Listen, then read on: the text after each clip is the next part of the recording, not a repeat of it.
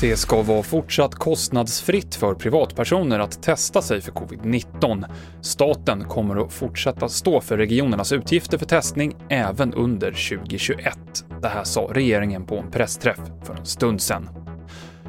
I Malmö så stänger kommunen sina badhus, motionsanläggningar och museer för att minska smittspridningen. Däremot kommer fritidsgårdar fortsatt att hållas öppna, men med fokus på yngre barn och på utomhusaktiviteter. Och Sveriges nöjesparker har haft ett katastrofår och gjort förluster sammanlagt på över en miljard. Det här visar en sammanställning som TV4 Nyheterna gjort. Och flera flaggar nu för att det är risk för konkurs. Ingen verksamhet idag, vill jag påstå, tål två år utan, utan intäkt eller utan omsättning.